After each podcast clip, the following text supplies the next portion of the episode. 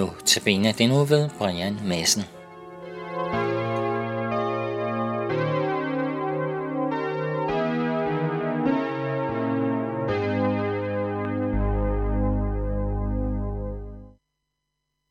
Velkommen til dagens Notabene. Mit navn er Brian Madsen. I denne uge læser vi udvalgte tekster fra Hebræerbrevet. I dag skal vi læse kapitel 8, vers 5 og 6. Det er taget lidt ud af en sammenhæng, men prøv at lytte med. De tjener ved en helligdom, der kun er en efterligning og en skygge af det himmelske. Fremstillet efter de anvisninger Gud gav Moses, da han skulle rejse åbenbaringsteltet. Han sagde, sørg for at lave alt efter det forbillede, du fik at se på bjerget. Men nu har Kristus fået en langt højere tjeneste, i det han er formidler af en bedre pagt, der er lovfæstet ved bedre løfter. En lidt svær tekst.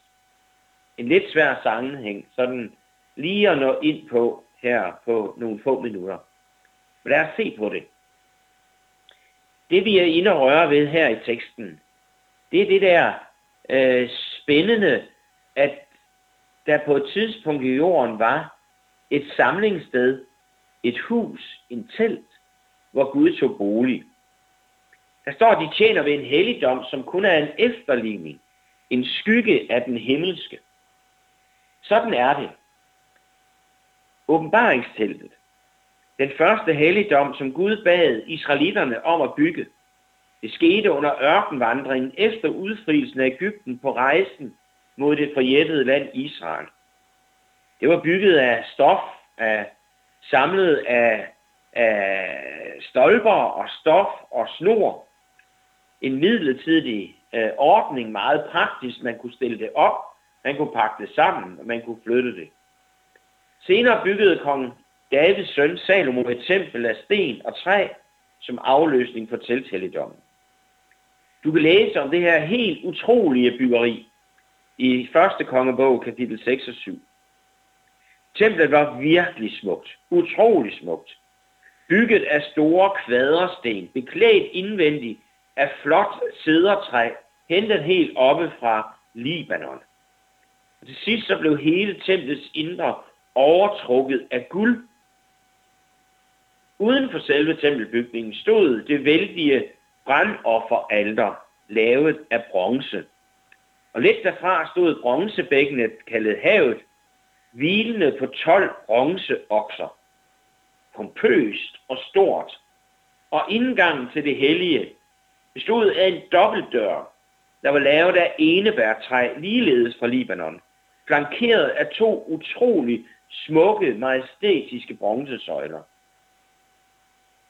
Templet var centrum for hele Israels folks gudstyrkelse. Stedet, hvor Gud på en helt særlig måde var til stede. Stedet, hvor mennesket og Gud kunne være sammen. Og dog. Kun på afstand. Gud havde taget bolig i det inderste rum i tempelbyggeriet, kaldet det allerhelligste. Det var afskærmet fra resten af helligdommen og tempelpladsen. Lukket massivt på tre sider, og med siden ud imod mod det øvrige af tempelbygningen, ja, der var der ophængt et kæmpe forhæng. Et flot forhæng. Forhænget var grænsen. Intet menneske kunne komme tættere på Gud end hen til forhænget. Men at gå ind til Gud i det allerhelligste, det var ikke muligt. Det ville koste dem livet. Gud var altså tæt på, og alligevel langt borte. Det er jo det, der er menneskets ulykkelige situation. Vi har mistet fællesskabet og nærværet med Gud. Gud havde en tanke ved, at israelitterne skulle bygge først telthelligdommen og siden templet i Jerusalem. Det er ikke menneskelige tankegange, der ligger bag, men det er en afbildning af det himmelske helligdom, og det markerer altså helt synligt for alle mennesker, at Gud kan vi komme tæt på, men ikke helt ind til. Mennesket er adskilt fra det hellige, fra livet, fra det evige. Det er det, templet viser os i praksis. Templet er altså en kopi, en efterligning, en skygge af den virkelige virkelighed. Og templet med dets byggeri skal altså hjælpe mennesket, også dig og mig, til at forstå denne sandhed. Og på trods af templets pragt og herlighed, ja, så er den altså kun en illustration, et billede af virkeligheden. Mennesket er ikke i sit rette element hos Gud. Som templet var meget smukt, er der meget smukt i verden. Men alt er forgængeligt. Alt kan forgå. Vores verden er præget af sygdom, af lidelse og død. Vi kan bygge mange ting op, opleve gode ting, glæde og lykke. Men sygdom og lidelse og død får vi aldrig bugt med. Og vi lever i og med smerten derover. Hvis du kan ikke genkende til det, så giver denne tekst og tempelbygningen dig et håb. For det minder os om, at Gud ikke har glemt os. Templet minder os om Guds vilje til nærvær og til stedeværelse. Minder os om, at hans renhed og hellighed og evighed er lige på den anden side af forhænget. Og han har en vilje til forsoning og kærlighed. For øvrigt, så viser selve tempelpladsen, hvor meget Gud elsker mennesker. Tager vi hele tempelspladsens område, ja, så den største del af tempelpladsen, der måtte alle mennesker fra alle folkeslag, også mennesker, som ikke troede på ham, der må de gerne være. Det er måske så lidt i dag sådan et negativt udtryk, hedningernes foregår. Det er faktisk et udtryk for, at de, der ikke vil Gud, er velkomne hos Gud. På tempelpladsen måtte alle altså være. Men der er kun én indgang til fællesskabet, uanset om man er jøde, eller man er hedning. Og det er gennem forhænget.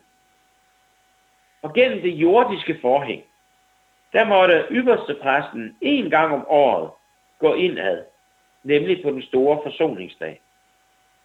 Også dette er kun et billede, en kopi, en skygge af den rigtige indgang til Gud. Den ind, rigtige indgang til Gud skabes nemlig ikke ved et menneske, men ved Gud. Det skal vi se nærmere på i morgendagens udgave af Notabene, hvor vi skal stifte bekendtskab med ypperste præstens opgave og funktion. I dag vil vi glæde os over, at der findes et himmelstempel, og at dens indgang er Jesus. Og der er du inviteret til at gå ind. For Gud elsker dig. Tak fordi du lyttede med i dagens udgave af Notabene.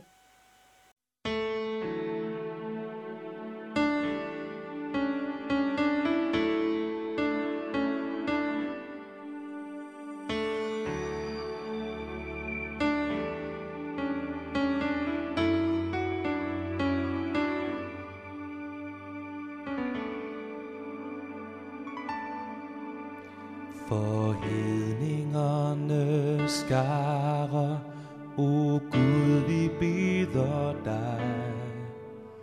Dit evangelium, du til dem sende.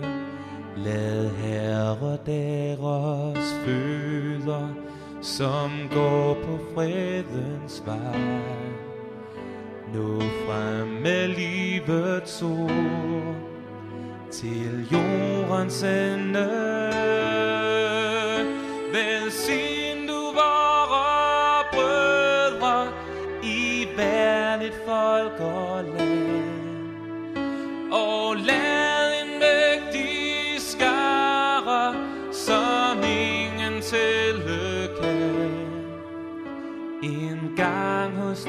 dig, o Jesus. Særligt mødes en gang hos dig, o Jesus. Særligt mødes. For hedningernes skarer, o Gud, vi beder dig. Dit evangelium, du til dem sende. Lad Herre deres fødder, som går på fredens vej, nå frem